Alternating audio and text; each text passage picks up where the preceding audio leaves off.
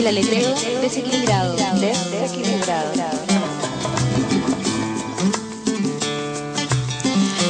Pensando, hablando sobre nosotras, sentimos necesario compartir nuestras reflexiones críticas sobre lo privado, lo público, el espacio político, en lo cotidiano. Viviéndonos habitantes de una tierra fronteriza en la que día a día luchamos por no ser etiquetadas. El objetivo, Dejar en las ondas nuestros pensamientos feministas. crear nuestra tierra, Nuestro aire. nuestro dial. Desde el 2004 invitamos a otras voces a interrogar la normalidad patriarcal y atrevernos a escuchar otros mundos y miradas. Un programa para todos y todas los que sueñen con un mundo al revés.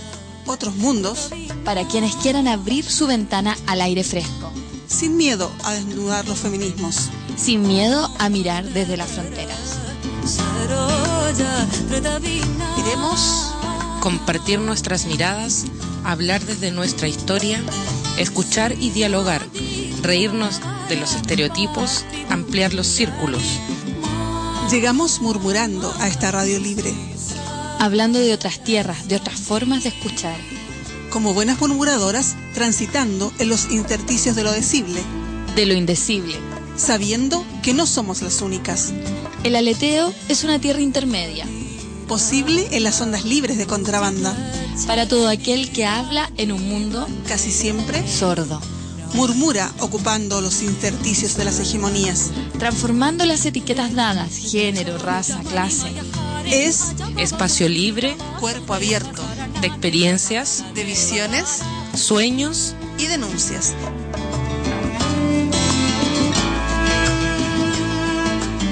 Una oportunidad de diálogo. Que busca desequilibrar las normas Generar un movimiento pequeño que rompa los círculos. y de paso a nuevas formas de vida. Somos Palabra y música desenfadada. Eso que anda en las calles, que quieres y no escuchar. Múltiples voces, vamos al quiebre. Ahí, ahí donde el género, la diferencia, se transforma en mirada. Un espacio de murmullo que no se puede contener. El aleteo desequilibrado, desequilibrado. una tierra para todos y todas los que quieran habitarla. Todos los sábados, de 5 de la tarde a 7 y media, ponte las gafas lilas. Escucha y vive diferentes voces Gentes, que día a día se movilizan por un cambio de frecuencia en distintos territorios. Ciencia, cuerpo, música, arte, autoconocimiento, conflicto, trabajo, creación, vida cotidiana. vida cotidiana. Entérate de múltiples lugares en la ciudad donde se está murmurando. Actividades, agenda de la semana, Participa del programa, llamando, escribiéndonos, visitándonos, murmurando. El aleteo desequilibrado, desequilibrado.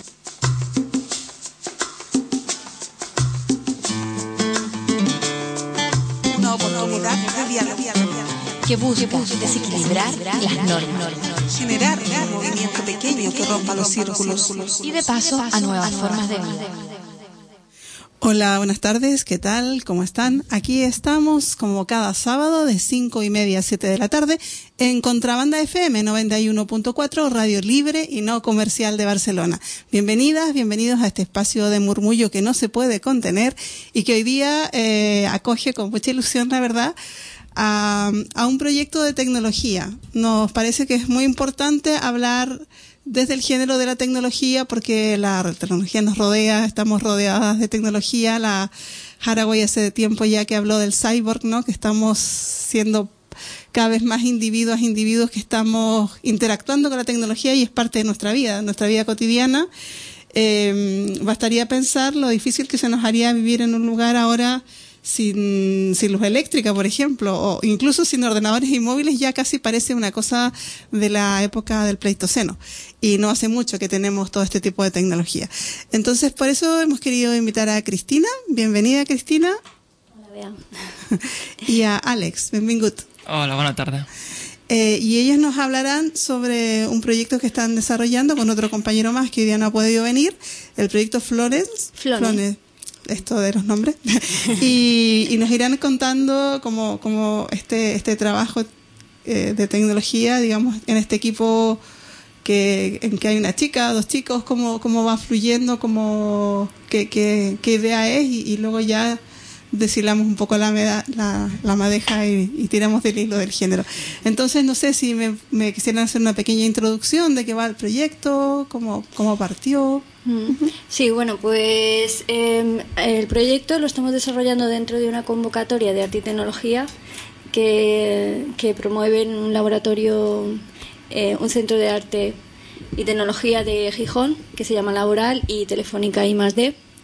Y, y bueno, pues ahí ganamos la convocatoria para, para estar eh, seis meses en residencia artística. Hemos estado ya en Gijón dos meses y ahora estamos aquí en Barcelona, que estaremos hasta diciembre. Y bueno, eh, así un poco la idea eh, que propusimos fue desarrollar un pequeño drone que utiliza el smartphone como plataforma para volar, como controlador de vuelo, lo que es un móvil volador. un móvil volador, vaya, vaya idea, ¿no? Sí. ¿Cómo surgió esta idea? ¿Cómo se presentó este proyecto? Si vols explicar Bueno, eh, en realitat eh, tenien que jugar en alguna cosa que fos eh, tecnologia amb mòbils no? o relacionat amb mòbils per això de telefònica i bueno, pensant eh, tot això sorgeix a, a partir d'un projecte que estem iniciant diverses persones que estem fent una cooperativa que se diu ERA i bueno, dins del marc d'aquesta cooperativa que ens plantejàvem oferir serveis aèris pensant en, qui, en com podíem utilitzar el tema del mòbil per a un projecte artístic, doncs va sorgir el Flying Phone o el Flon, que era doncs, un mòbil que, que volava, no? I, clar, era un concepte molt, molt trencador, no? I molt, molt novedós perquè hi ha tot un, un, un espai aeri que està sent desaprofitat ara mateixa i a poc a poc la tecnologia ha anat evolucionant i comença cada vegada més a ser accessible i ho veiem tots els dies en les, en les notícies, no? tots els dies no, però totes les setmanes sí, en conflictes militars, sobretot, que veiem que els drons, que són vehicles aèris que tenen bàsicament Estats Units, però altres potències, eh, que se dediquen a, bueno, a controlar aquest espai aeri, no? i a, monopol a monopolitzar-lo d'alguna forma. Aleshores, la idea va partir de, de dir, bueno, anem a, a intentar eh, avançar-nos a aquest monopoli que s'està extenent de l'espai aeri intentar, eh, bueno, la frase famosa de democratitzar aquest espai aeri per a que no siga un monopoli de les, de les grans potències, no?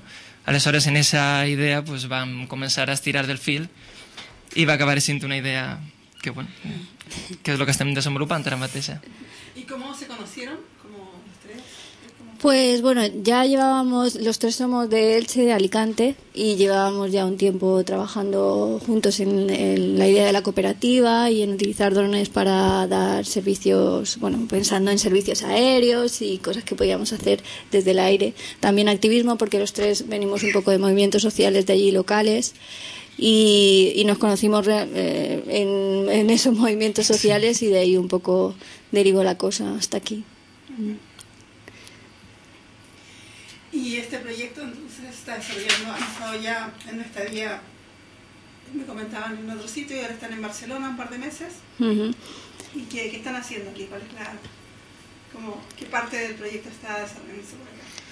Bueno, eh, eh, van a estar dos meses Cristina y Lot en Xixón, en el Centro de Art Laboral, i bueno, ahí van estar desenvolupant eh, lo que era el, la part física de l'aparato, no? Com si diguem, era com una espècie de... La idea original era una espècie de motxilla que tu li posaves al, al mòbil i entonces el mòbil eh, d'alguna forma controlava aquesta motxilla que tenia unes hèlix per a volar i volava i podia fer diverses coses en l'aire, no? I aleshores havia que, clar, havia que fer dos, dos parts. La primera era la, construir la part física o la motxilla física en les hèlix per a que poguera volar, en motors elèctrics, controlador, controladors, i la segona part, que és la que estem fent aquí en, en Telefònica i més és la part de programació, com se diria, la part de desenvolupar una aplicació per al mòbil que li puguem posar al mòbil que està en aquesta motxilla voladora i que pugui fer el control de, bueno, de, del aparato. O sea, la idea sería que cualquier móvil se podría, bueno, cualquier móvil con ciertas características se podría poner esta mochila voladora. Sí, esa es la idea inicial y en lo que estamos trabajando. Sería eh, un poco utilizar todo el potencial electrónico de los móviles, que tienen mucho, para, bueno, en este caso, y también un poco darle la vuelta a la idea del móvil que lo llevamos encima, me parece que como que estamos un poco siempre dependiendo más que usando. A veces no sabes muy bien la diferencia. Y en este caso puedes utilizarlo para tú poder hacer otra cosa que es volar, ¿no? Hacer, eh, realmente es usarlo como herramienta que a veces se nos olvida un poco. qué es lo que es el objeto en sí.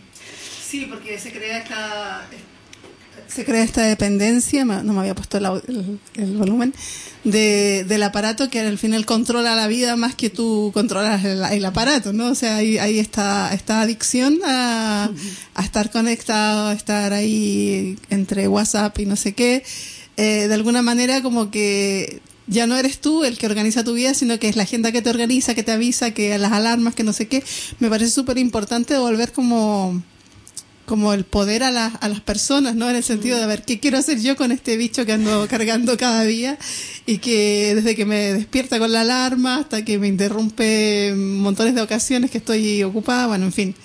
Porque esto del móvil también yo creo, claro, es un tremendo avance en telecomunicaciones, pero por otra parte a nivel de de sociedad civil o, de ciudad, de personas que, estamos conviviendo con la tecnología, eh, te produce una adicción muy grande. Yo lo, lo digo conociendo sobre todo que hago clases con chavales jóvenes, con chavalas de adolescentes, que están súper enganchadas y que en realidad no se imaginan la vida sin móvil. Es una cosa súper potente. Mm. Entonces, de alguna manera, como como dar vuelta la, la tortilla, ¿no? Y, mm. desde que esto te domine, bueno, pues intentar utilizarlo como herramienta. Mm. Así que en ese sentido. ¿Y tú cómo ves el, el enganche de la gente con, con los móviles? ¿También compartes pues mi, mi, mi, análisis o no tanto? Mira, estás parlant una persona que no tiene WhatsApp. o sea, perquè no vull, perquè, bueno, ja l'he tingut, però sóc conscient de l'addicció realment que tenim i nosaltres, que, bueno, jo tinc 28 anys, i vinc ja de la generació que, que ha conegut la vida sense mòbil i la vida en mòbil. Uh -huh. Però m'imagino la, la gent que ja ha nascut en, el, en, en este àmbit, en el mòbil, que és, que és viure, vull dir, la vida sense el mòbil és impensable ara mateix, no? Vull dir, te'n vas a la muntanya a fer l'ermitanyo i t'olvides de tot, però és que viure sense mòbil ara mateix és difícil, és una cosa que a mi no me... Entenc que el camí de la societat va per ahí i és molt difícil sortir d'aquest camí, però sí que pense que no és un, bueno, no és un camí que a mi me convenç molt, personalment. No, no sé. ¿Y tú cómo lo ves? Pues, bueno, eh, a mí esto de, me hizo pensar un poco. Hace poco, bueno, cuando estábamos en Gijón, eh, estuvimos en un encuentro de arte y tecnología rural y, bueno, eh, fuimos allí con una propuesta de, mm, de un, un, drone que lanza semillas y, bueno, teníamos que hacer una actividad con las personas que había participando de, de hacer las semillas para ponerlas en el drone y volar y tal, y lanzar. Y recuerdo que había unas niñas así adolescentes y cuando estábamos ahí haciendo las semillas con, todo, con las arcillas y, tal, de repente a una le sonó el móvil y con todas las manos llenas de barro y de todo, se sacó el móvil del bolsillo y contestó para el teléfono y entonces en ese momento pensé, Dios mío, vamos a poner este móvil a volar ya porque, porque tiene que ser eh, bueno, es inevitable a veces que con los objetos mantengamos relaciones que no son solo eh, de herramienta, ¿no? Y, ni siquiera es que eso sea algo negativo en ocasiones, pero, pero sí que por lo menos hay que hacer las cosas de forma... Con la tecnología hay que estar un poco en una posición más consciente de la que estamos ahora mismo. ¿Les parece si hacemos una pequeñísima pausa musical? Porque así nos relajamos un poco. Voy a compartir esta tarde con, con una francesa que es un icono clásico de, del, de las voces femeninas porque es ni más ni menos que la Edith Piaf. Y vamos a poner La Vie en Rose, ¿qué les parece? Así para... Luego podéis opinar y proponer otra canción.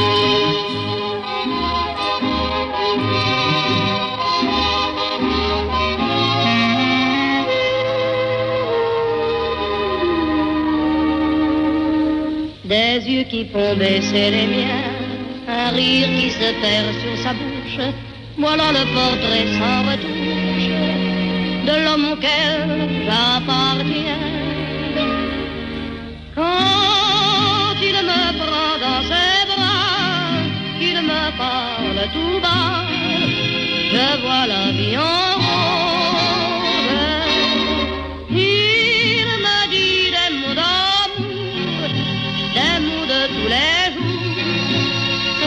fait quelque chose. Il est entré dans mon cœur une part de bonheur dont je connais la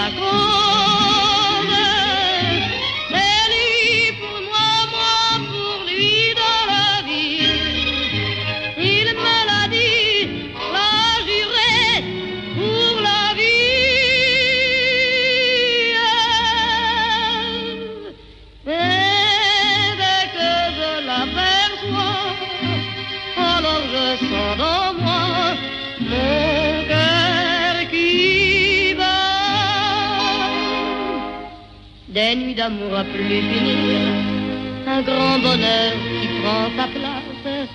Des ennuis, des chagrins s'effacent, heureux, heureux, en mourir. Quand il me prend dans ses bras, il me parle tout bas, je vois la vie en rose.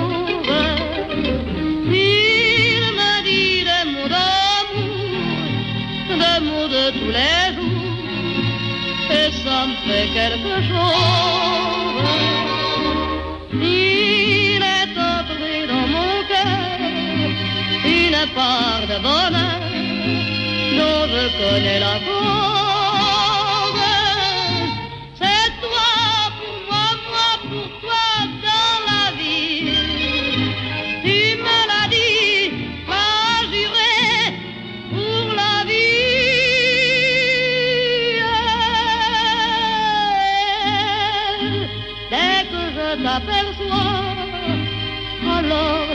Dans moi.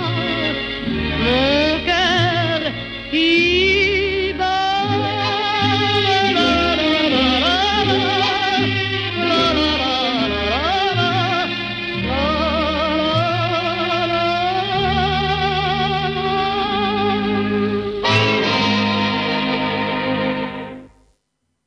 La Vie en Rose de Edith Piaf en este sábado aleteo en que ya hay pequeñísimas muestras de otoño. Poco a poco la ciudad se pone eh, en, en la temperatura que le toca según el calendario astral, porque en realidad este año ha estado bastante desplazado. Yo creo que todavía estamos como fines de verano, no y, la, y las castañas las comimos bastante desabrigadas, para ser sinceras, comparado con, con otros años. Pero bueno, así está el clima y seguramente vamos a tener que acostumbrarnos a, que las estaciones van, van cambiando también por estos fenómenos climáticos que están ocurriendo. Estamos conversando con Cristina y con Alex de un proyecto súper bonito de el móvil volador. El móvil volador que están, eh, nos explicaban hace un momento, intentando crear en, en, el contexto de un proyecto que ya lleva un par de meses y están ahora en Barcelona trabajando en la parte de programación del, del equipo. Uh -huh. y, y no sé, ustedes se, me contaban que habían estudiado ingeniería. Cuénteme un poco de qué, de qué es cada uno para que así la, la gente se haga una idea de, de en qué tema puede trabajar una ingeniera, un ingeniero. Bueno, yo soy ingeniera técnica industrial de la rama de mecánica y bueno, hice la ingeniería después de haber hecho cinco años de automoción, así que bueno, un, un poco de la rama de los vehículos. Ahora me pasaba al aire, pero, pero ahí un poco. I jo sóc enginyer industrial també, però de la part més automàtica i robòtica, que jo, quan vaig acabar l'institut, volia anar a estudiar aeronàutica, però només se podia fer en Madrid, i bueno, era un poc complicat per, per aquell moment i tal. I al final, mira, acabat fent alguna cosa que vol. O sigui que, com a mínim, estic sacant una espineta que tenia de, de poder fer algo que vol. ¿no? Bueno, ya hacía sus pinitos antes de venir. Bueno. Y luego, bueno, nuestro compañero que faltaba hoy porque está en Bilbao es Lot y él es ingeniero informático, pero bueno, se ha dedicado más al tema artístico, utiliza la tecnología en, en el arte, que es lo que yo creo que le apasiona. y es el que real- tenía más experiencia con drones y un poco no- nos hemos servido de su experiencia y ¿Drones exactamente qué significa? Los drones son vehículos aéreos no tripulados. Y bueno, eh, ya los, los conocemos hace tiempo, yo creo que más en el ámbito militar, porque son esos que vehículos que mandan ahora y que ya no necesitas llevar personas para bombardear sobre alguien. Y, pero bueno, eh, en los últimos años está teniendo mucha, bueno, está creciendo muchísimo el, para, porque tiene, pues, bueno, ya podéis imaginar la cantidad de utilidades que se le pueden dar desde la perspectiva aérea.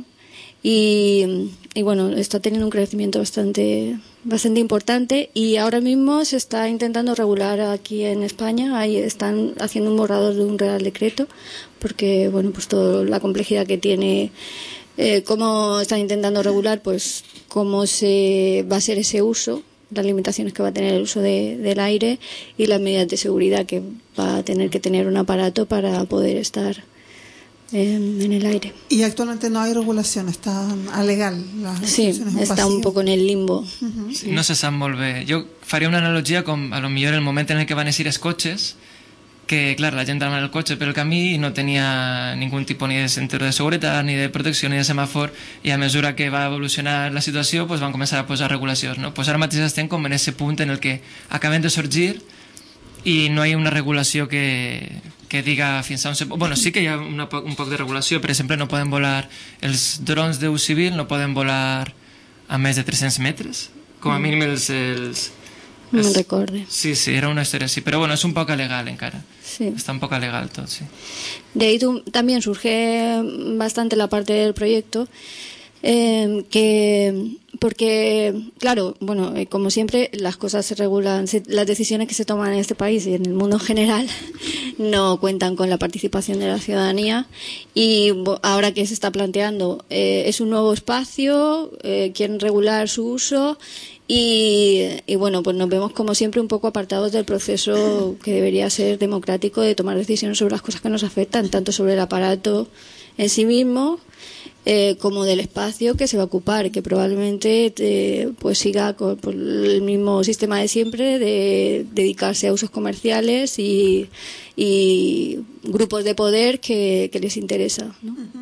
Bueno, eso me hace pensar en la situación que tenemos las radios libres, que estamos también en un espacio Sí. de alegalidad, están intentando regular el espacio radiofónico, que igual son ondas que van por el aire, ¿no? Y no hay de momento una legislación, bueno, y ojalá que no salga la que estaban planeando, porque en realidad se trata de comercializar todo y dejar a la gente que tenemos proyectos autónomos bastante complicados, ¿no? Porque por lo menos nos, nos- el, el borrador que había circulando por ahí, que afortunadamente está durmiendo todavía en algún cajón, eh, quería que en las radios libres tuviéramos un director y una línea editorial y censura. Y es exactamente lo que las radios libres no queremos tener y no tenemos.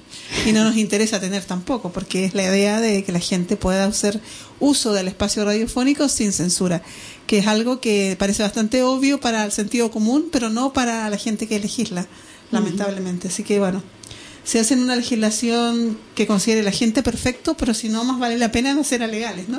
Sí, vale más que lo dejen en el limbo. Claro, mejor que quede ahí que no, que no tener una, una restricción así de tenéis que comprar no sé cuánto y bueno, Sí. claro, con costo y con yo qué sé. Sí, al final el sistema acaba absorbiéndolo un poco todo. Entonces, la, la, mm, me contabais que, la, que, el, que el, no sé cómo decirle, cacharro, aparato, no sé. el- el- Cacharro, nosotros le llamamos cacharro también Ah, a veces. Entonces, entonces queda cacharro volador. Eh, de momento funciona controlado por una radio. Sí, ¿Cómo, cómo es eso? Bueno, és eh, com si fora un, un aparell de radiocontrol normal, no? com si fos un helicòpter d'estos de radiocontrol o un avió de radiocontrol. Tens una, una ràdio i el controlem en, en esa ràdio. Però la idea és ara substituir esa ràdio per un mòbil. De tal forma que habría, estaria el, el mòbil que volo, que estaria en esa espècie de motxilla, no? que, que el llevaria volant, que aniria controlant la mochila, no?, perquè no se caiga, pues, per a fer-la volar. I en el terra la persona tindria un altre mòbil en la seva mà que se connectaria en el mòbil que vola, no? Haurien dos mòbils, el que vola i el que té la persona en la mà. El que té la persona en la mà se connectaria en el mòbil que vola i tu ja podries anar Dirigir. dirigint, exactament, anar O dirigint. sea, es como un juego de andar ahí como navegando, así como Sí, los juegos de sí. niños, pero esto de verdad, con un móvil y todo. Sí, sí. Qué lúdico, ¿no? Que viene. Sí, es muy divertido, Claro, además de, de todo. divertido y, y una aplicación que, claro, si uno lo mira desde el punto de vista de, no sé, de la tecnología actual en boga, que es la militar, puede ser horroroso. Porque, claro, la tecnología tiene esto, ¿no? Que no es ni, ni buena ni mala, sino que depende de las funciones de quien eh, la controle. Entonces, si la usamos para tirar una bomba sería fatal, pero si la usamos para lanzar semillas o para fotografiar y tener imágenes más más certeras de algún lugar es, es todo lo contrario.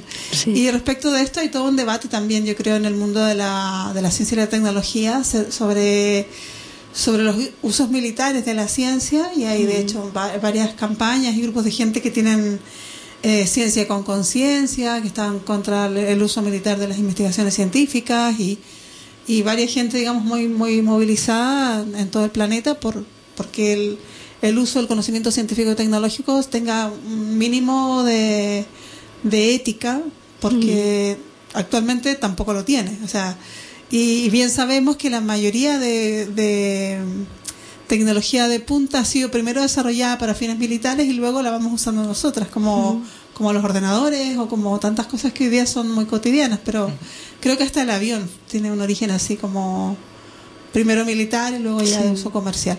Entonces, en ese sentido me parece súper bueno que ustedes le, le den la vuelta ¿no? a, este, a este uso y que este dron sea, bueno, lúdico, divertido, que también pueda tener ciertas utilidades. Como qué cosas se les ocurren que se podría hacer. A mí se me ocurren varias, pero no sé si, si sean posibles. ¿Ustedes en qué han pensado? Bueno, lo primero que se nos vino a la cabeza fue tomar imágenes aéreas.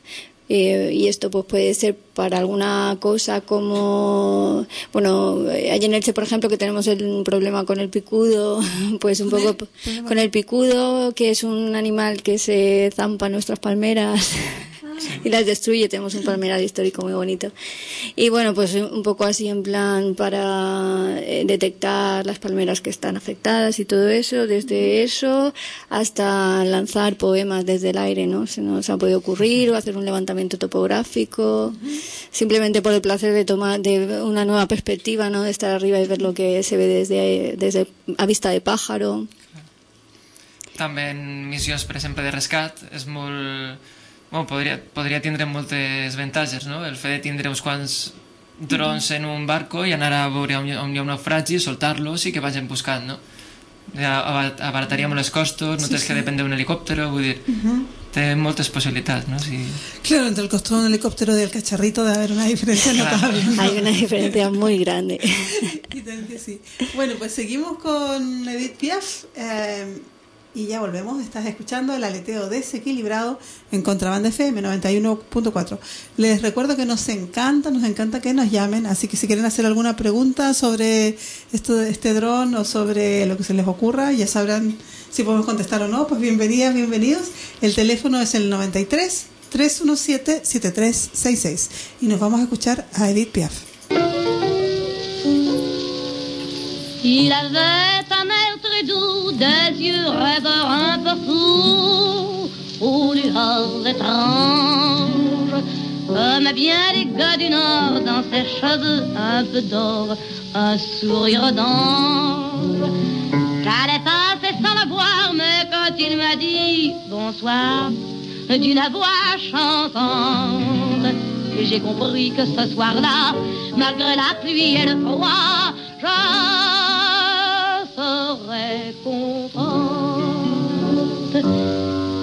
Il avait un regard très doux. Il venait de où. D'où viens-tu? Quel est ton nom? Le navire est ma maison, la mer mon village. Mon nom nul ne le fera, je suis simplement un gars ardent à l'ouvrage. Ici j'ai le cœur trop lourd, moi donc un peu d'amour. c'est soif de caresses. Et moi, fille au cœur blasé, j'ai senti sous ses baisers une ardente ivresse. Il avait un regard très doux, ses os. Simplement, sans boniment, j'aimais mon nouvel amant, mon époux d'une heure. Comme bien des malheureux, il croyait lire en mes yeux la femme qu'on pleure. Et follement, j'espérais matin, il me dirait, suis-moi, je t'emmène. J'aurais dit oui, je le sens, mais il a fui me laissant rivé à ma chaîne. Il avait un regard très doux. Il venait de eaux.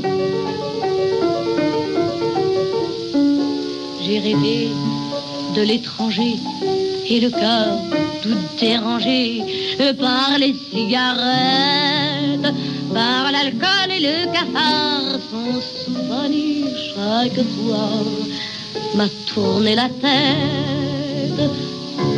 Mais on dit qu'après du fort, on a repêché le corps d'un gars de mari qui par l'amour délaissé ne trouva pour le bercer Cali. Il avait un regard très doux. Il s'en allait, je ne sais où.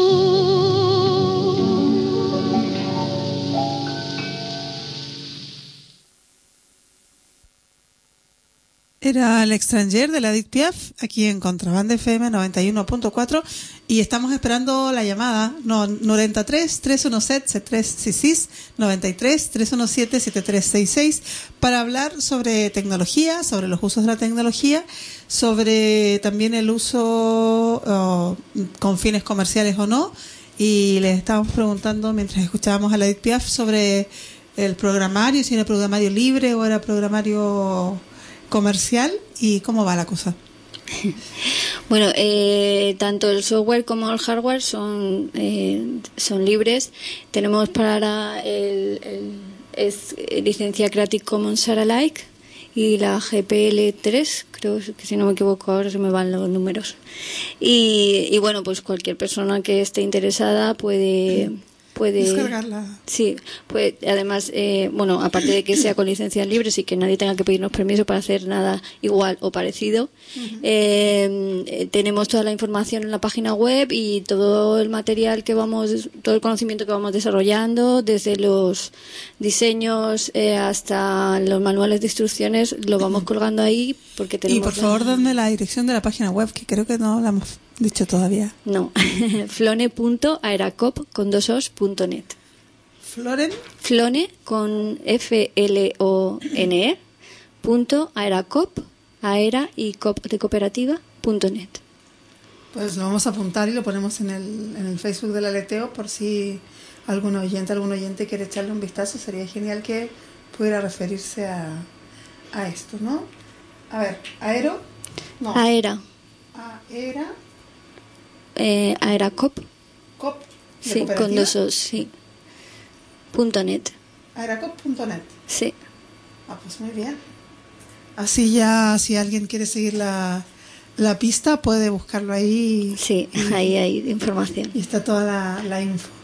De totes formes, si busquen Flone en el buscador en Google on siga, segurament les També. redireccionarà. I, bueno, no sé si anaves a dir que teníem també en Thingiverse tenim el frame, que és l'estructura, la vam dissenyar en fusta per a que qualsevol persona poguera tallar-la, més o menys. Sí. Bueno, nosaltres ho hem fet en una talladora láser, que aquí en Barcelona sí que hi ha accés a talladores láser, no? en el Fab Lab i en diversos llocs tens accés al taller láser i simplement és descarregar-te l'arxiu de Thingiverse si busques Thingiverse Flone t'apareixerà segur Aerocop no em surt, eh? No sé, estoy... no, Pero és es flone, aer- Ah, flone.aeracop.net. Ah, vale. A ver, otra vez. F, F-L-O-N-E E punto aeracop.net. F, L, O, N, NE E, punto. Es que me faltaba el punto. ah, Ay. Ah, no, estoy escribiendo mal, no, eso soy yo que estoy aquí metiendo un dedo donde no. Después lo probamos y lo colgamos bien en la página. En la próxima pausa musical. en la próxima pausa musical, exacto. Y esto, este programario es, bueno, les costó mucho usarlo. ¿Cómo es, es complicado usar estos programas al comienzo? Bueno, porque para hacer todos pues, bàsicament, eh, bueno, ens hem basat en un altre projecte lliure, bueno, un projecte obert que és el de, multi, el de MultiWii, sí, que crec que va començar en un 6 que utilitzaven el, els controladors de la, de la Wii, no? de Nintendo, Ajá. per a controlar un, un quadcopter, no? Un quadcopter és com un helicòpter que té quatre hèlix, val? Que, lo que no, bueno, un quadcopter o qualsevol tipus de, de còpter. I aquest projecte ha anat desenvolupant-se i bueno, és un projecte que ja li estan donant suport molta gent, que té darrere molts programadors mo- molt bons i que ja ho han testejat molt. No? Aleshores nosaltres eh, ens hem basat en aquest projecte, que és el del control de l'aparato, per a, bueno, per a muntar el nostre a sobre. No? Sí, estamos aprovechando, pues eso, lo que es lo normal, ¿no? Aprovechar los conocimientos previos que la gente va desarrollando y que son libres también y nosotros pues eh, aportar y también lanzarlo de forma libre es un compromiso y estamos también en contacto con con eso, con otros proyectos que en relación con lo que nosotros necesitamos también, pero es un- como un requisito, ¿no? Que, que sean también libres. Pues he encontrado por fin el link Ah, la y página. lo que pasa es que era Aeracop, no Aero. Yo estaba aprendiendo Ah, con, con no. Pues esto del, de la A y la O tiene marcas hasta, hasta incluso para buscar en Google. y está un post sobre la catástrofe y hay una nota al querido diario que no vamos a leer, pero bueno, que, que está súper bien. Acá ha explicado el proyecto con fotos y, y vídeos y todo y, y la invitación entonces a mirarlo, ¿no? A ver qué esta presentación que también estuvo, estuvieron por Bilbao Sí, estuvimos en Bilbao y, Y- y también en... Y esta foto está súper bien porque es como, me imagino el corazón del cacharro. Sí, sí. Las tripas. Ahí está. Es como una Sí, disección. es, es muy bueno, es muy sencillo y muy complejo a la vez, como la tecnología misma. Eh, pero intentamos que, que el diseño, bueno, si, no sé si ves alguna foto que esté todo montado, pero verás que es súper sencillo, tiene una imagen como además está hecho en madera y entonces es como una imagen muy cercana. No es, pretendíamos alejarnos muchísimo de la imagen del drone militar, precisamente un poco reivindicando ¿no? que no son ellos los que tienen el conocimiento, o sea, que apropiándonos un poco del conocimiento y de los objetos. Y, y eso está no, no está cubierto, lo hemos dejado, todos los componentes están a la vista porque pretendemos que, que sea eso, que no, que no lo veas y pienses que es un objeto que, que está muy que no, lejos que de, no sea la típica caja negra. ¿no? Que, claro. que un poco se vea el, el entramado. Eso me parece súper bien Sí. porque, claro, básicamente cuando aparecen cosas tecnológicas parece que fueran cosas, objetos súper sofisticados y que no sabes cómo funcionan. Inalcanzables para la inteligencia Claro. mundana. No, no, es muy curioso esto, porque yo me acuerdo cuando yo era pequeña que, no sé, desmontaba despertadores y cosas así. Aparatos sencillísimos, pero bueno, que ahora ni eso la gente abre, o sea, a mí me extraña, ¿no? Porque, claro, entre que de lo, de lo mecánico se ha pasado a lo digital y todo esto también, ya, claro, cada vez más caja negra y cada vez más la gente lo usa sin saber eh, cómo, cómo funciona, cómo... Y en realidad es como muy, muy importante que, que nos apropiemos de la tecnología, porque no puede ser que esté en manos de cinco cerebros, Sí. ¿no? Sí, en el fondo... Sí, que cada vez está como más alejada de, de lo que la gente conoce, ¿no? Es va demasiado deprisa y, y estamos usando una cantidad de objetos de los que desconocemos tanto que es imposible que esa relación pueda salir bien. No, No tiene ningún sentido, ¿no? Hay que, para tomar decisiones sobre las cosas que hacemos y sobre cómo usamos los objetos y qué objetos usamos, tenemos que conocer algo sobre, como, como algo mínimo, ¿no? No puede haber esta lejanía tan, tan grande. Y esa, un po- esa idea también está reflejada en el diseño. que- como Me gusta mucho esta introducción que dice Flone. sí, has leído bien. Fiona es una interfaz para permitir volar a los smartphones. ¿Para qué quiero yo un teléfono que vuele? Te preguntarás. Nosotras no podemos responder a tu pregunta. Eso depende de ti. Flone tiene una parte hardware y una software. Y está súper bien porque invita a la gente no a pensar también qué utilidad le podría dar, cómo lo podría utilizar, en fin.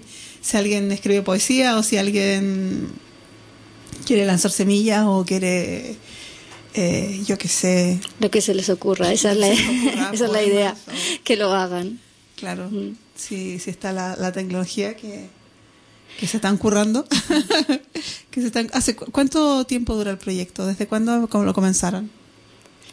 Pues empezamos en, en junio, ¿fue? En, o, Un poco comenzar vosotros. o no. Empezamos, es que Alex se fugó para irse a la India los primeros dos meses. Me recaché luego, sí. Y entonces estuvimos junio y julio Lotillo en Gijón y ya y ahora en septiembre vinimos a Barcelona. O sea Llevan poco llevamos- tiempo, lleva- sí, lleva muy Uy. poco tiempo. El proyecto acaba de comenzar y bueno, tenemos que hacer como una presentación en diciembre y tiene que estar volando y tal, pero para nosotros es un punto y seguido porque bueno, ya nos ha dado tiempo a pensar tantísimas cosas.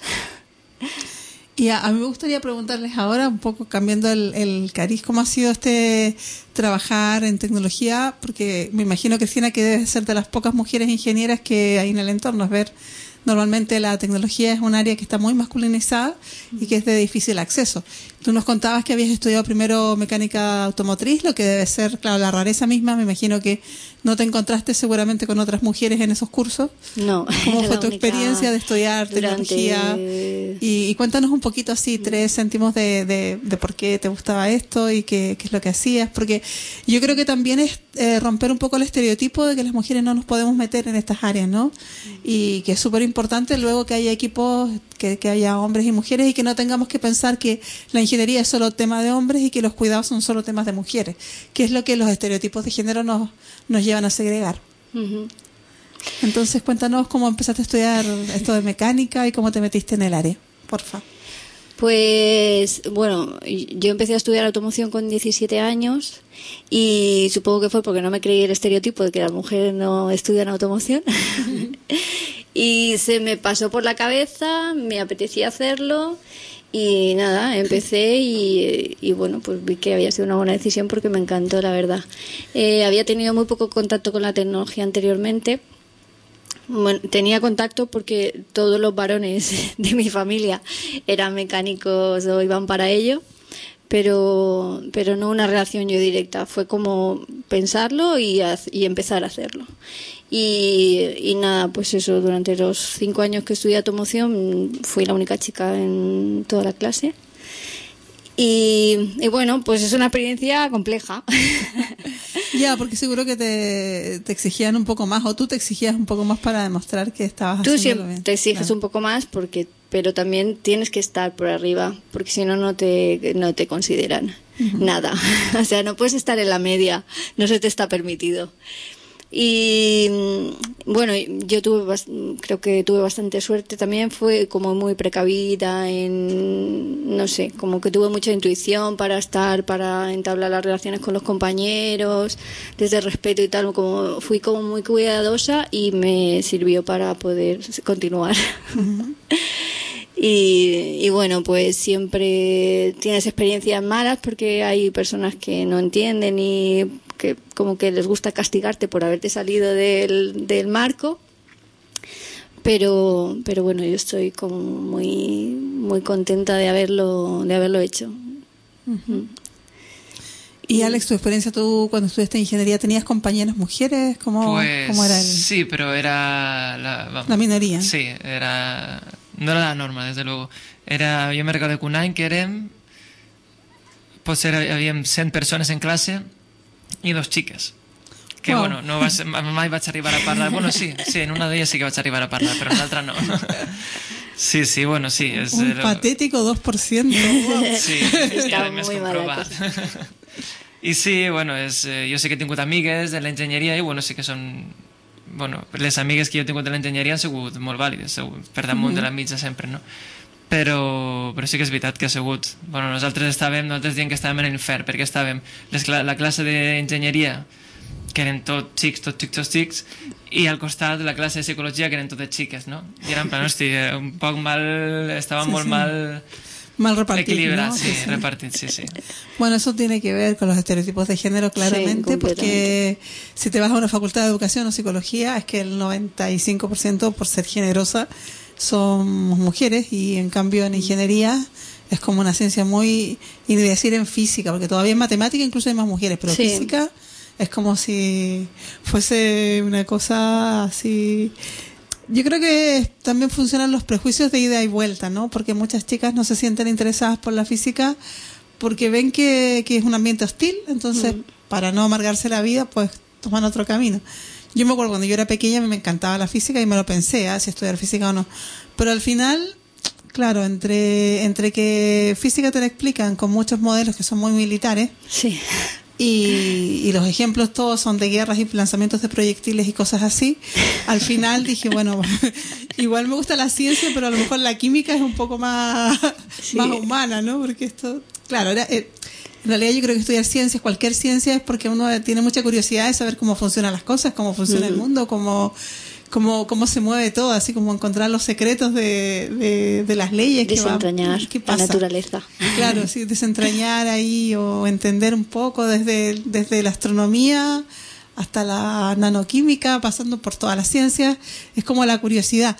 Pero también es cierto que, que este estereotipo va funcionando de una manera bastante inconsciente, no, no, no, no, es, no es explícito, nadie te dice en el colegio, en el cole, no, las chicas no estudian. Por suerte ahora ya no, antes lo hacían, ¿no? Antes ni siquiera Sí. se podía ac- acceder a la universidad. De hecho, en el Estado español recién hace 100 años las mujeres podemos acceder a la universidad sin el permiso del padre o del marido. O sea que antes había que pedir permiso, cartas formales y montones de cosas.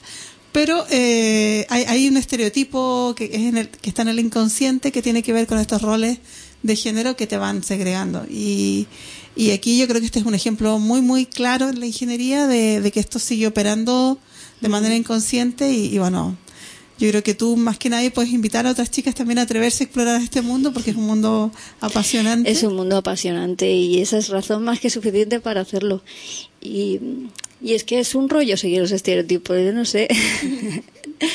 Eh, y aparte, bueno, aparte de que, de que de que estoy convencida de que hay un montón de chicas que les encantaría si se pusieran a hacerlo y que disfrutarían un montón porque veo, bueno, pues con eso, conozco un montón de mujeres y las veo cómo se desenvuelven y, y a veces pienso, eh, esta, esta mujer le encantaría ser ingeniera, ¿no? A mi madre, por ejemplo, es que sé que le encantaría ser ingeniera agrónoma.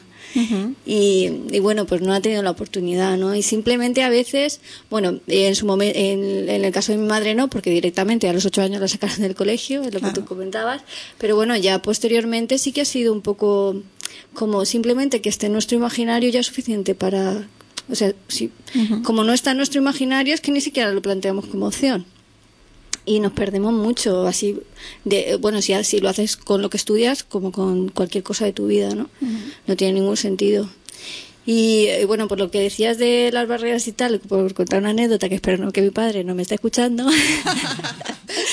Pero cuando fui a matricularme en automoción bueno pues hice la inscripción y tenía que hacer la matrícula y entonces necesitaba 5.000 pesetas para matricularme. Y fui a pedírselas a mi padre que estaba allí en el taller trabajando con arreglando un coche y tal y me acerqué y dije papá necesito 5.000 pesetas para matricularme en automoción y me dijo no ¿Cómo que en automoción?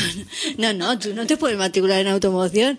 Como que no, claro, no me esperaba que me dijera que no. Podía, no sé, es verdad que, no sé, iba como muy inocente, no me esperaba que nadie me fuera a decir que no.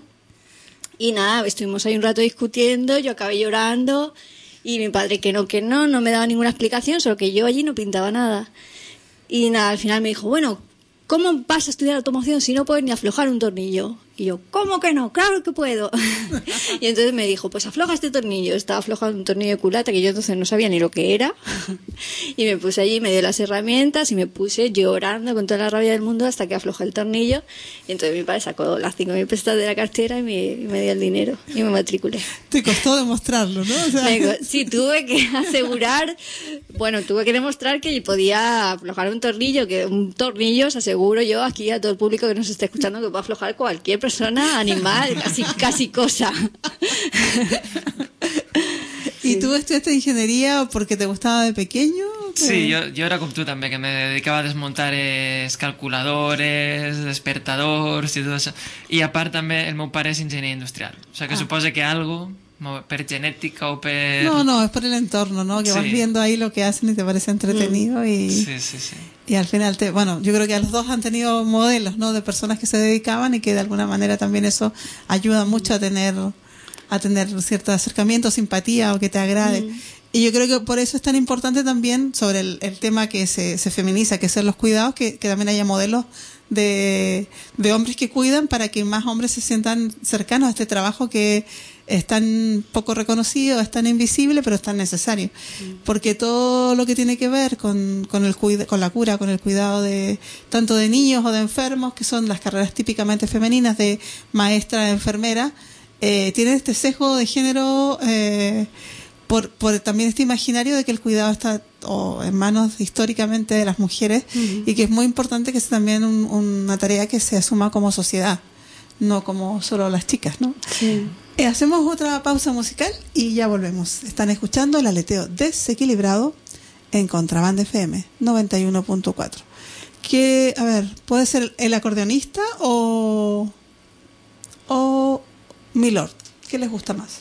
Mm, la verdad es que no escucho ninguna de las dos, así que, La que sea. elige tú. El acordeonista, El acordeonista, vamos a ver. A ver.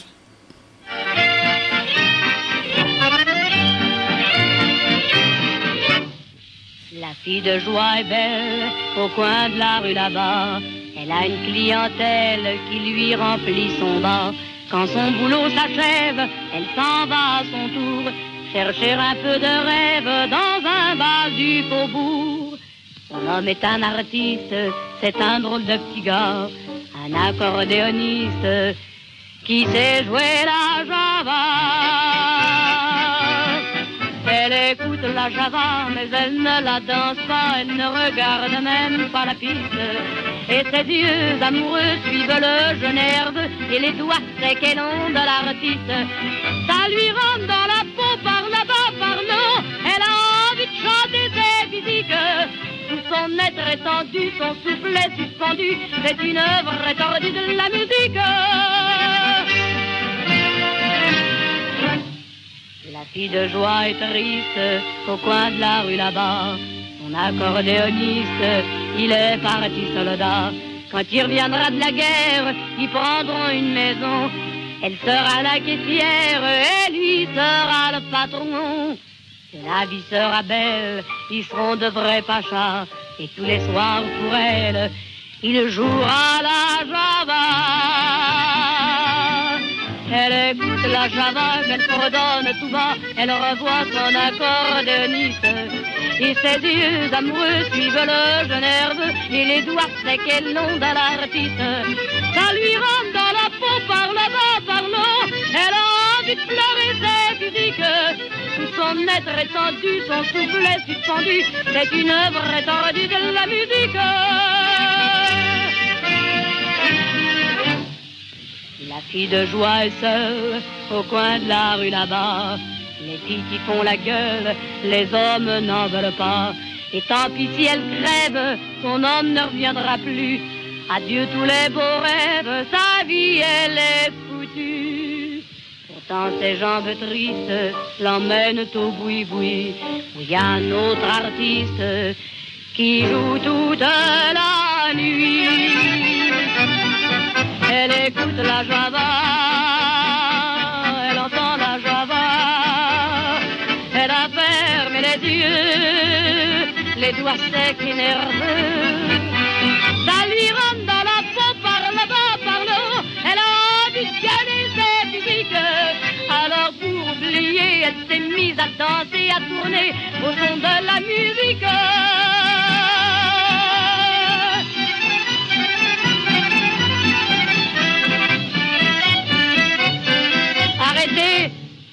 Arrêtez la.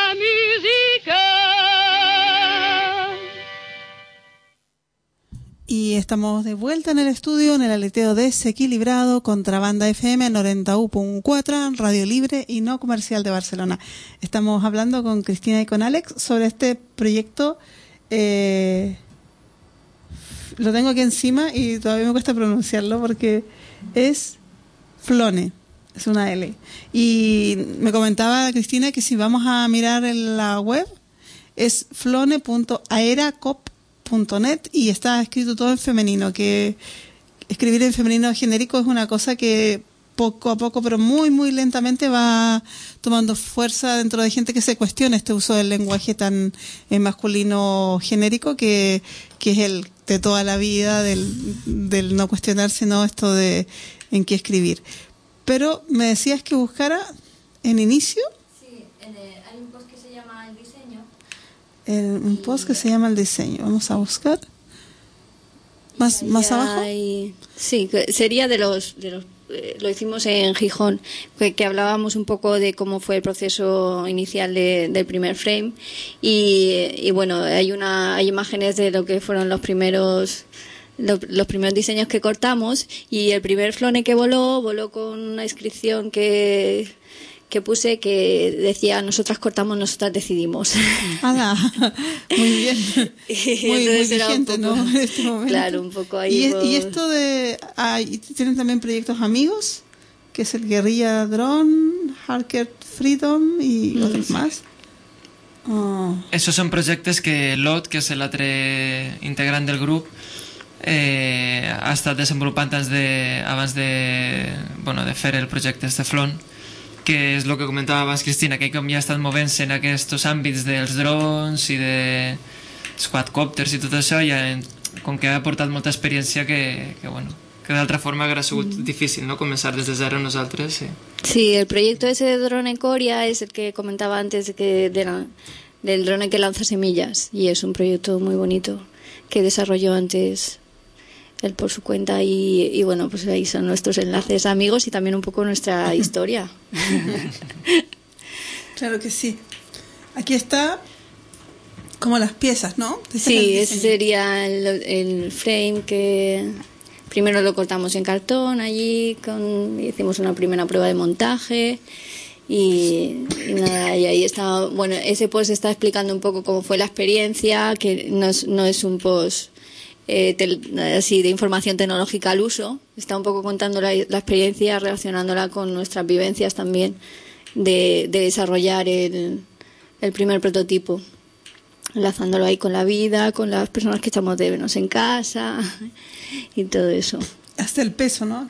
Hasta el peso está ahí, eh, lo estamos pesando. Qué bien. Y de, bueno, por lo que decías antes también de los cuidados, se me, se me estaba ocurriendo que tenemos, eh, bueno, tenemos integrado en el proyecto el hecho de cocinar los unos para los otros. Ajá. Eh, Forma parte del proyecto, ¿verdad? Es que- porque- Así se juntan y, y uno cocina para... Claro, es que, bueno, vivimos, estamos aquí en Barcelona, entonces eh, alquilamos un piso todos juntos y, y eso, pues que como que hay ahí un, un interés de todos por cocinar y por, por cocinar bien cuando le toca a uno para cocinar ahí para que esté bueno y, y no- nos cuidamos mucho también, aparte de estar ahí poniendo tornillos aquí y allá. Sí, sí, sí. Hay buena convivencia. Bueno, eso es fundamental para que un equipo trabaje bien, ¿no? El cuidarse y no... Me imagino que, obviamente, como en cualquier grupo humano, aunque sean tres, habrá diferencias y, Por supuesto, y siempre. estas diferencias tienen que resolverse en el mejor ambiente posible. Así que en eso la comida siempre juega un papel. Fundamental. Sí, eso es una estrategia. claro. Si hay algun problema, ese dia fas un bon soperet i Clar. ja per la nit ho resolem tot. Qué bien. Y entonces la idea sería que estarán en Barcelona hasta diciembre Ujú. Y presentarán el proyecto, me imagino, y luego ya nos contarán. Esperemos que, a ver si, si después nos mandan el link y lo publicitamos y para que más gente conozca este trabajo. Sí. Porque lo que, lo que están haciendo me parece de mucho valor en el sentido de que la tecnología, lo que hablábamos, siempre parece una cosa como para gente muy extraña, muy rara, muy eh, super lista o, o realmente, bueno, de, de otro planeta, que la gente de a pie se ve como incapacitada de entender desde el lenguaje de la ciencia y la tecnología y mucho menos como ya ensamblar o armar cosas, ¿no? Entonces, en esto, ¿se han planteado alguna vez hacer una especie de taller práctico para que más gente lo arme o cómo se lo imaginan? Como de... De hecho, hemos hecho ya. Ah, ya han hecho, perfecto. Sí, porque, bueno, es que eh, tenemos, como hemos dicho antes, tenemos un compromiso con el difundir lo que hacemos, no solo abrir las licencias y ya está. Y, y vamos a ir a Bilbao cuando ahora en, en diciembre, el 3 de el 3. diciembre. El 3 de diciembre estaremos en Bilbao y, y vamos a hacer allí dos talleres y, y bueno, también eh, cuando estuvimos en Bilbao anteriormente también estuvimos un poco ahí en- con una mesa informativa explicando cómo, cómo iba el tema y tal. y Entonces es algo que además nos apetece mucho hacer. Ujú. Qué bien. Y por Barcelona todavía no han pensado nada de difusión. Bueno, sí. Sí, eh, tenemos- eh, eh, Cristina y Lot van a estar la semana que ve en el DevCon Barcelona, que Sí. no me pregunto, ahora mateixa no me era. Però és un event on van haver diferents xerrades eh, de, de, sobre temes tecnològics i ells van haver estar en un stand, bueno, Mm, donant sí, a conèixer el front perquè la gent el conega i... Enseñándolo y volándolo. ¿Dónde es? Pues yo no me acuerdo ahora tampoco, la verdad. ¿Cómo, cómo se llama? Eh, Dev- DevCon. DevCon Barcelona, bueno, DevCon. Ahí lo, lo buscamos en la siguiente Sí. canción y ya... Sí, la musical. Yo creo que ya nos toca, ¿no? Una pausa musical un poquito, que hemos estado parlanchines.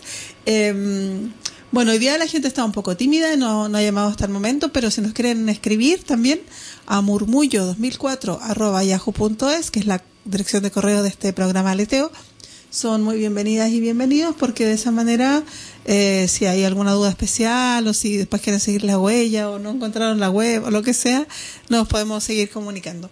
Nos vamos a escuchar Milord.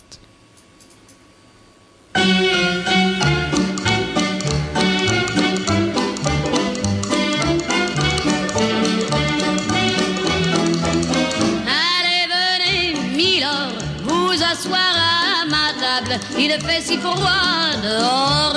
Ici c'est confortable, laissez-vous faire, Milord. Et prenez bien vos aises, vos peines sur mon cœur. Et vos pieds sur une chaise, je vous connais, Milord. Vous ne m'avez jamais vu, je ne suis qu'une fille du port, une ombre de la rue. Pourtant, je vous ai frôlé quand vous passiez hier. Vous n'étiez pas peu fière d'âme, le ciel vous comblait, votre foulard de soie flottant sur vos épaules. Vous aviez le beau rôle, on aurait dit le roi. Vous marchiez en vainqueur au bras d'une demoiselle. Mon Dieu, qu'elle était belle. J'en ai froid dans le cœur. Allez, venez, Milord, vous asseoir à ma table. Il fait si froid dehors. Ici c'est confortable, laissez-vous faire, Et prenez bien vos aises, vos peines sur mon cœur. Et vos pieds sur une chaise, je vous connais, Milord. Vous ne m'avez jamais vu, je ne suis qu'une fille du port, une ombre de la rue. Dire qu'il suffit parfois qu'il y ait un navire pour que tout se déchire quand le navire s'en va. Il emmenait avec lui la douce aux yeux si tendres qui n'a pas su comprendre qu'elle brisait votre vie, l'amour ça fait pleurer, comme quoi l'existence, ça vous donne toutes les chances pour les reprendre après. Allez, venez, Milord, vous avez l'air d'un môme, laissez-vous faire, Milord. Venez dans mon royaume, je soigne les remords, je chante la romance, je chante les Milord qui n'ont pas eu de chance. Regardez-moi, Milord, vous ne m'avez jamais Mais vous pleurez, Milord, ça je l'aurais jamais cru.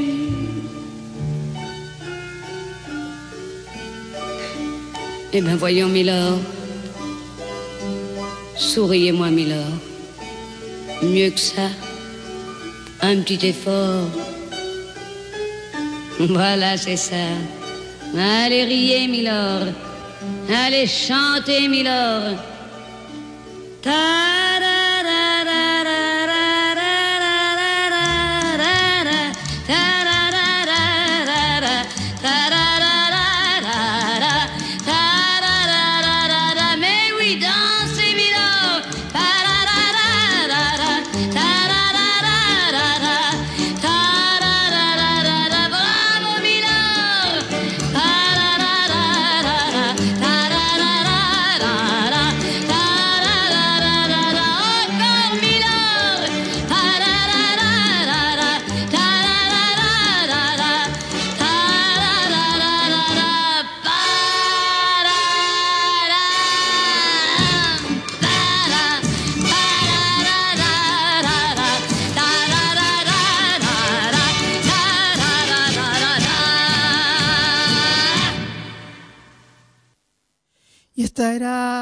voz de Edith Piaf en el aleteo desequilibrado del día de hoy, 2 de noviembre, en estricto directo, sábado, ya pasaditas las seis y media de la tarde.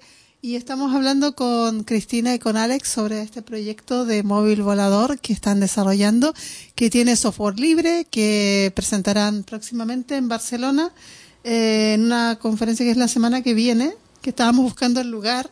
Eh, se trata de eh, Def, DEFCON, ¿está bien?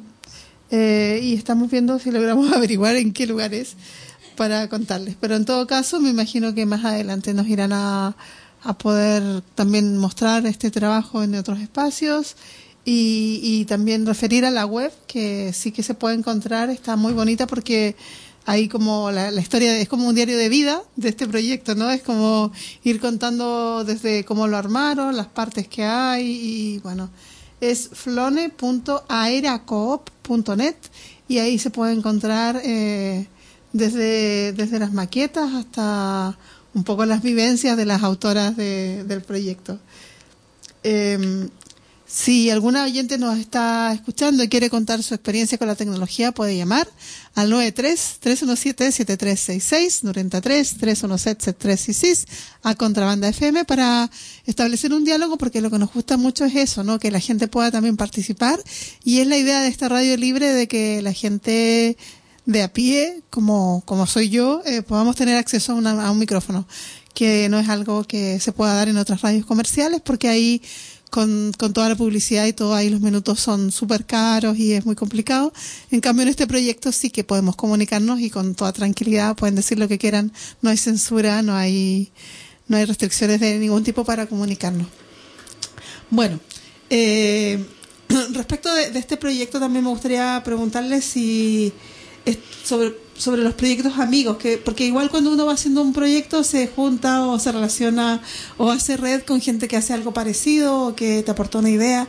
¿Cómo ha sido este entramarse, el, conectarse con distintas experiencias y si les ha resultado muy difícil, más fácil? ¿Qué tal? Pues la verdad es que hemos tenido mucho contacto también con otros proyectos porque hemos participado así en encuentros. Estuvimos en Soria en un, en un encuentro de, de arte y tecnología rural muy bonito. Eh, bueno, en concreto allí, por ejemplo, conocimos el proyecto Atlántida TV eh, que, que es una, bueno, eh, yo no conozco mucho el mundo del streaming, pero, pero bueno, es un proyecto de, para hacer una plataforma de streaming también con software libre.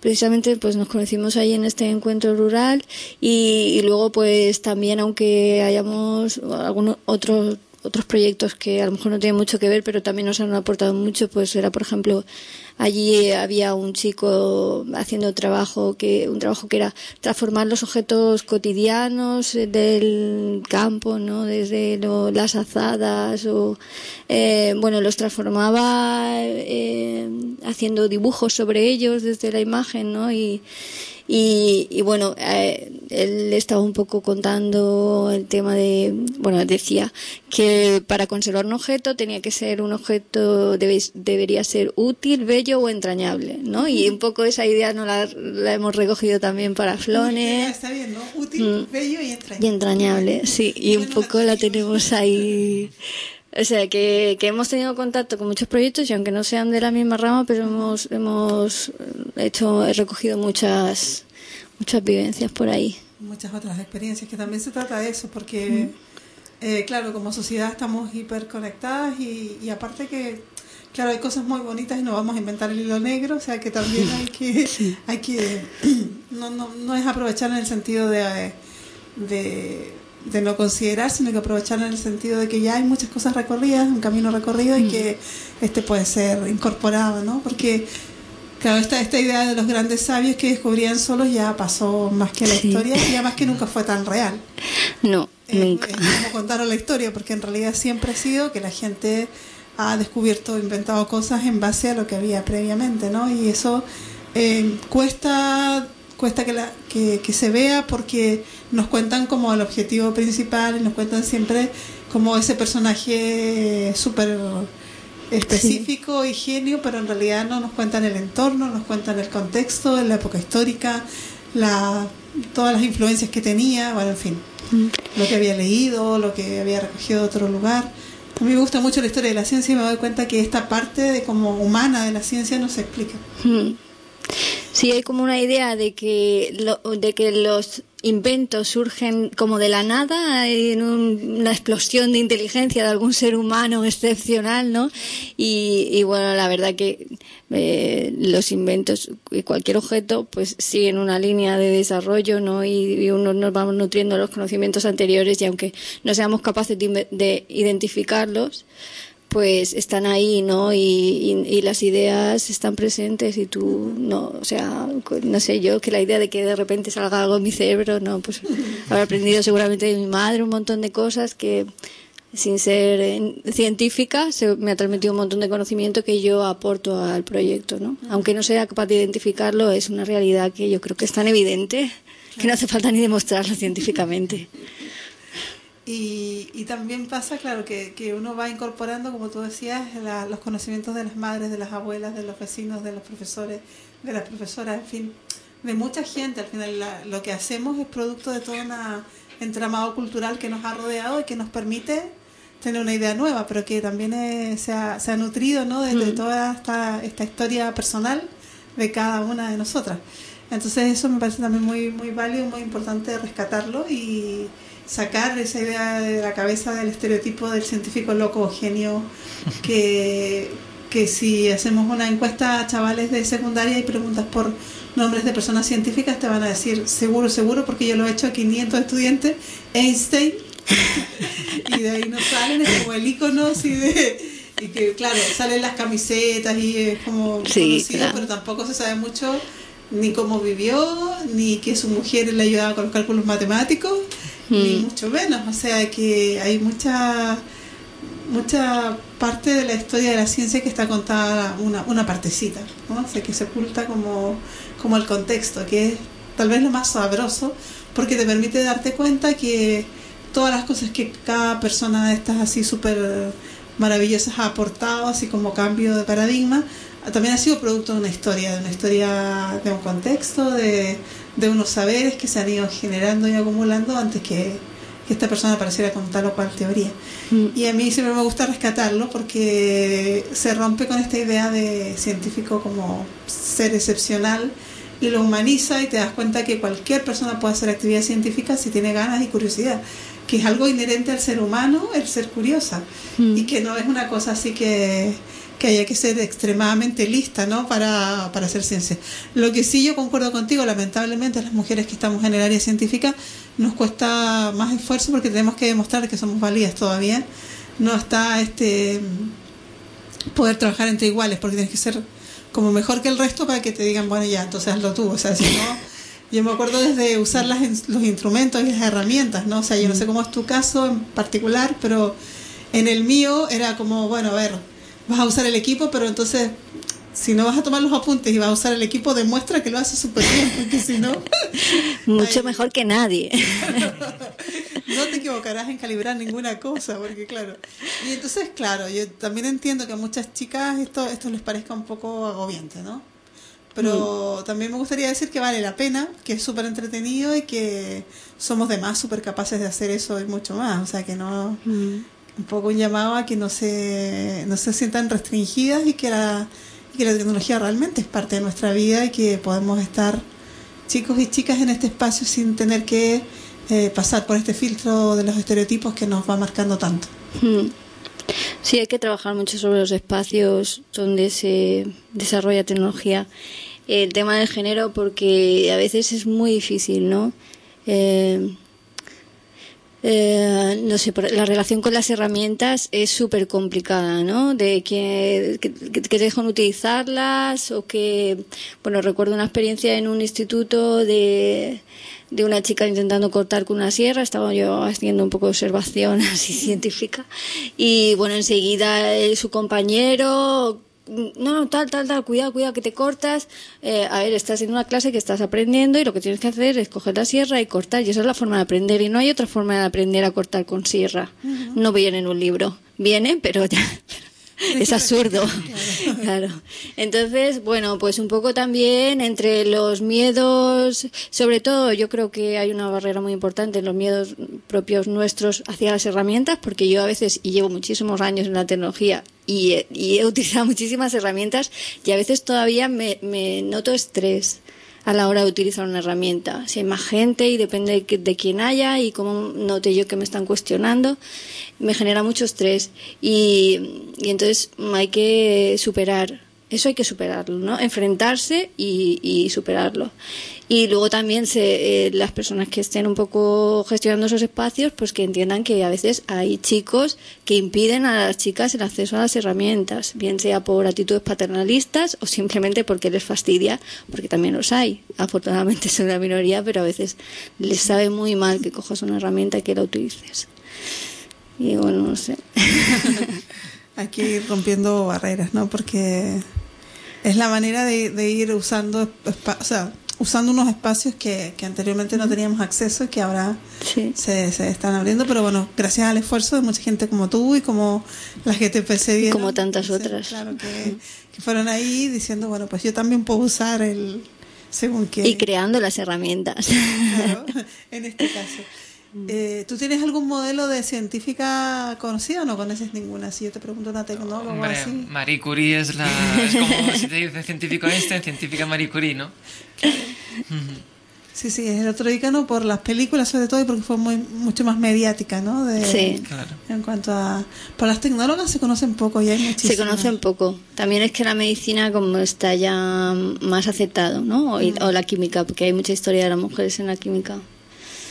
Pero bueno, así, eh, de, relacionada con nuestro proyecto, yo no puedo dejar de nombrar a Ada Lovelace. Claro.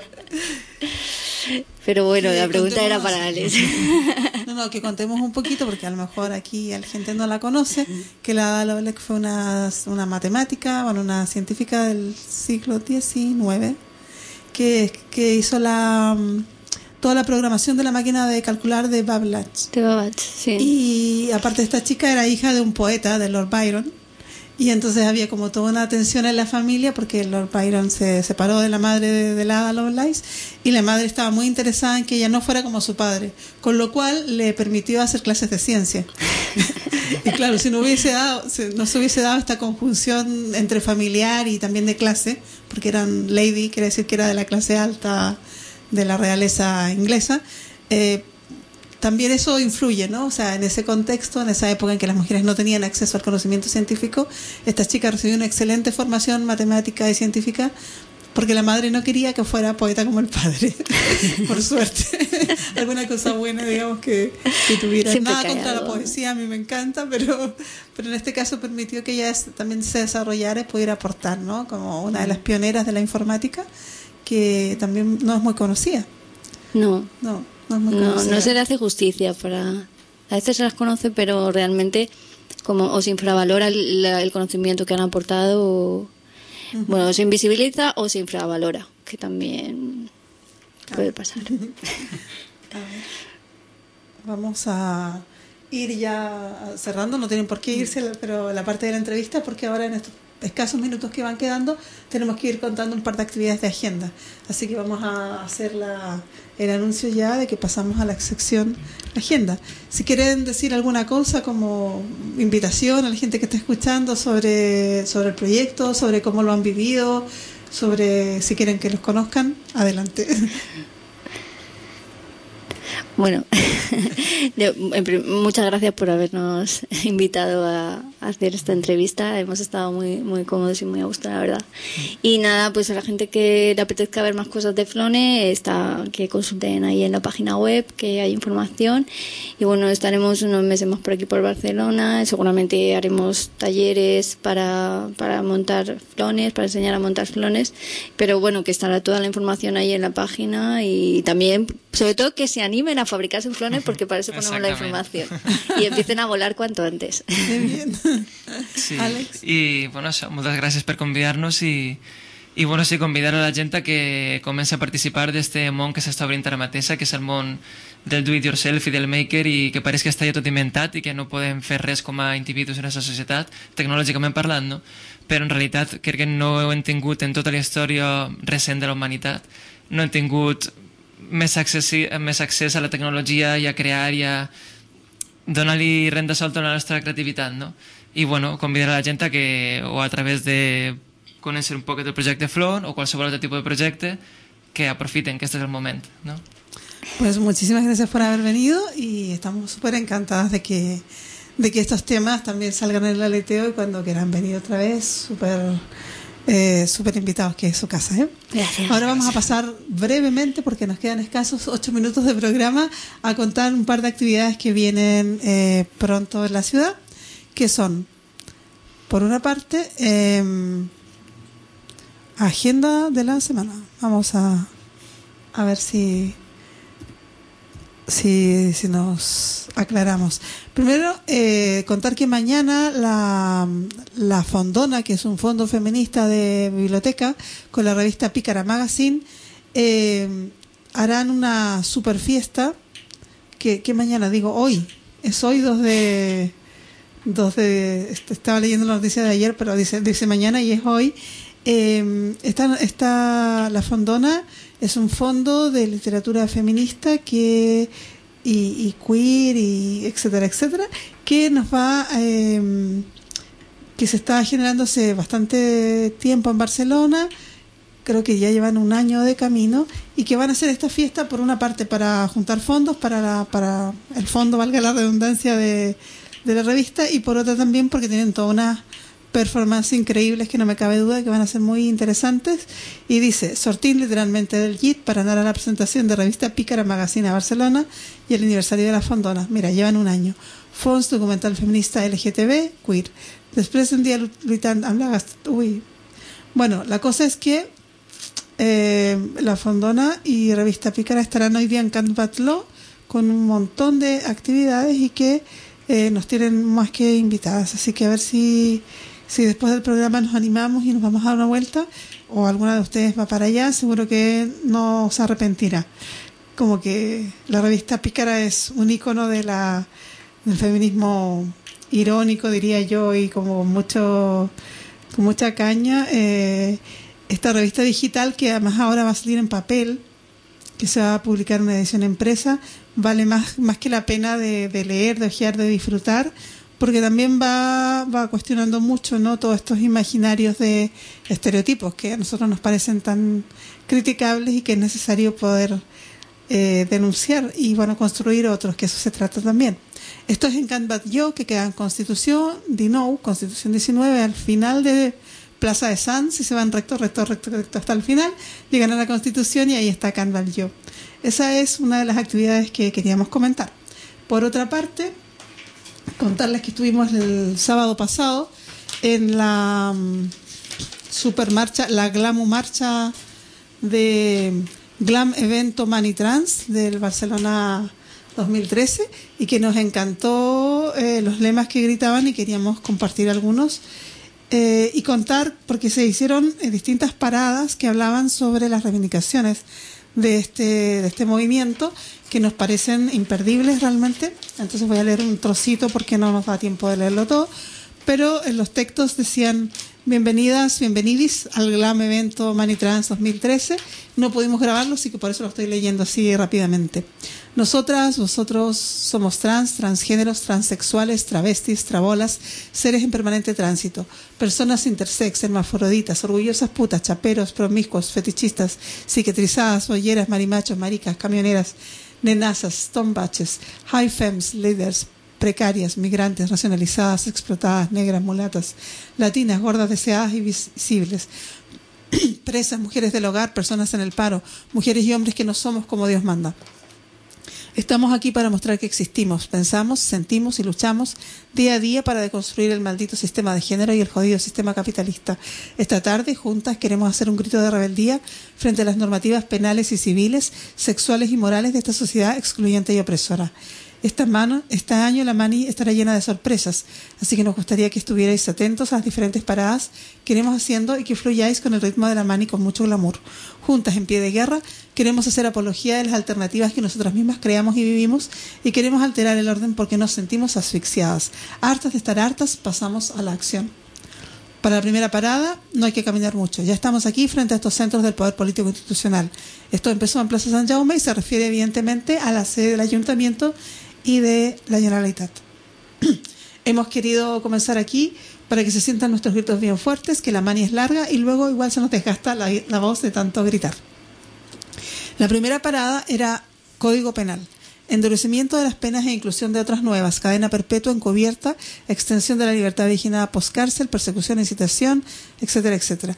El nuevo Código Penal aumentará la represión psicológica y física del Estado, y a, través de las sanciones administrativas que pretenden imponernos se convierte claramente en un arma contra las protestas. Este nuevo Código Penal invoca la peligrosidad social, un elemento jurídico indeterminado y un viejo amigo de la derecha más rancia, y sigue explicando todo lo que significan estas reformas del Código Penal. Lema, alerta, alerta, la peligrosidad se acerca. Somos malas, podemos ser peores. La segunda parada estuvo ni más ni menos que en la catedral, era la religión, y no queremos que este matrimonio Iglesia Católica-Estado eh, custodie nuestra fe o nuestra falta de ello. Y, por supuesto, el lema era aborto libre y gratuito, ni Dios ni amo, ni marido ni partido. Estoy así tomando con pinzas las frases más, más significativas porque tiene toda una reflexión que igual linkearemos a la página del aleteo para que puedan leer en detención. Luego estaba una parada de trabajo, comisiones obreras y fomento, porque las personas trans tenemos, dice, grandes dificultades para acceder a puestos de trabajo. Es un camino lleno de obstáculos y transfobia. Esperamos, no esperamos nada de este Estado de Derecho ni de este sistema económico controlado por una élite para satisfacer sus propias ambiciones. Y entonces denuncia que el sistema heteropatriarcal destina los trabajos basura a la gente con menos recursos. La cuarta parada fue el registro civil, binarismo de género, despatologización, y se hablaba de eh, que los médicos, políticos, burócratas no consideren los descarriados de género, quieren someter a un recorrido médico y administrativo exasperante solo para que se ponga nuestro nombre. Entonces se quiere que se saque esta, esta eh, camino obligatorio de hacer que pasar por un psiquiatra y que la gente pueda decidir que cambiar de nombre o no sin necesidad de esta patologización, que es una palabra que siempre me ha costado mucho pronunciar. La quinta parada tiene que ver con la colonización y fue justamente enfrente de Colón. El mundo en el que nos conocemos se ha estructurado a partir de la explotación y colonización de territorios y cuerpos por parte de países occidentales. Por eso no podemos separar la lucha contra el sistema sexogénero de la lucha contra la supremacía blanca. El capitalismo controla, marginaliza, medicaliza, encarcela y excluye a todos los cuerpos que se escapan de la normalidad o que no les sirven para generar beneficios. Queremos denunciar el racismo de Estado que todos los días se manifiesta a través de redadas, detenciones y violencia, la discriminación laboral, económica y tarjeta sanitaria. Los trans, las trans, no queremos ni fronteras para nuestros cuerpos ni para los territorios. Queremos identificar las opresiones que nos atraviesan y también reconocer nuestros privilegios porque entendemos que el juego entre las identidades y la posición social es compleja, porque no queremos ser cómplices silenciosas, sino traidoras activas. Para acabar con la maquinaria que controla nuestros cuerpos, sabemos que tenemos que empezar a actuar contra el etnocentrismo, la xenofobia, la arabefobia, el orientalismo y la exotización erótica de los otros, contra la militarización de las fronteras y el encierro de nuestras compañeras. Luego viene la gentrificación, que es el proceso de expulsar gente de un espacio público, y esto evidentemente en el Raval. La séptima parada fue por eh, Juan Andrés Benítez Álvarez, el chico que fue asesinado en el, en el espacio del Raval, y ahí fue el final de la, de la convocatoria, pero decir que toda la gente del Raval está muy conmovida y que seguirán en pie de lucha para exigir justicia en este caso y tantos más. Y hemos llegado al fin del aleteo, justo es la hora exacta. Nos despedimos hasta la próxima semana. Que vaya bien, fins la propera, Deu.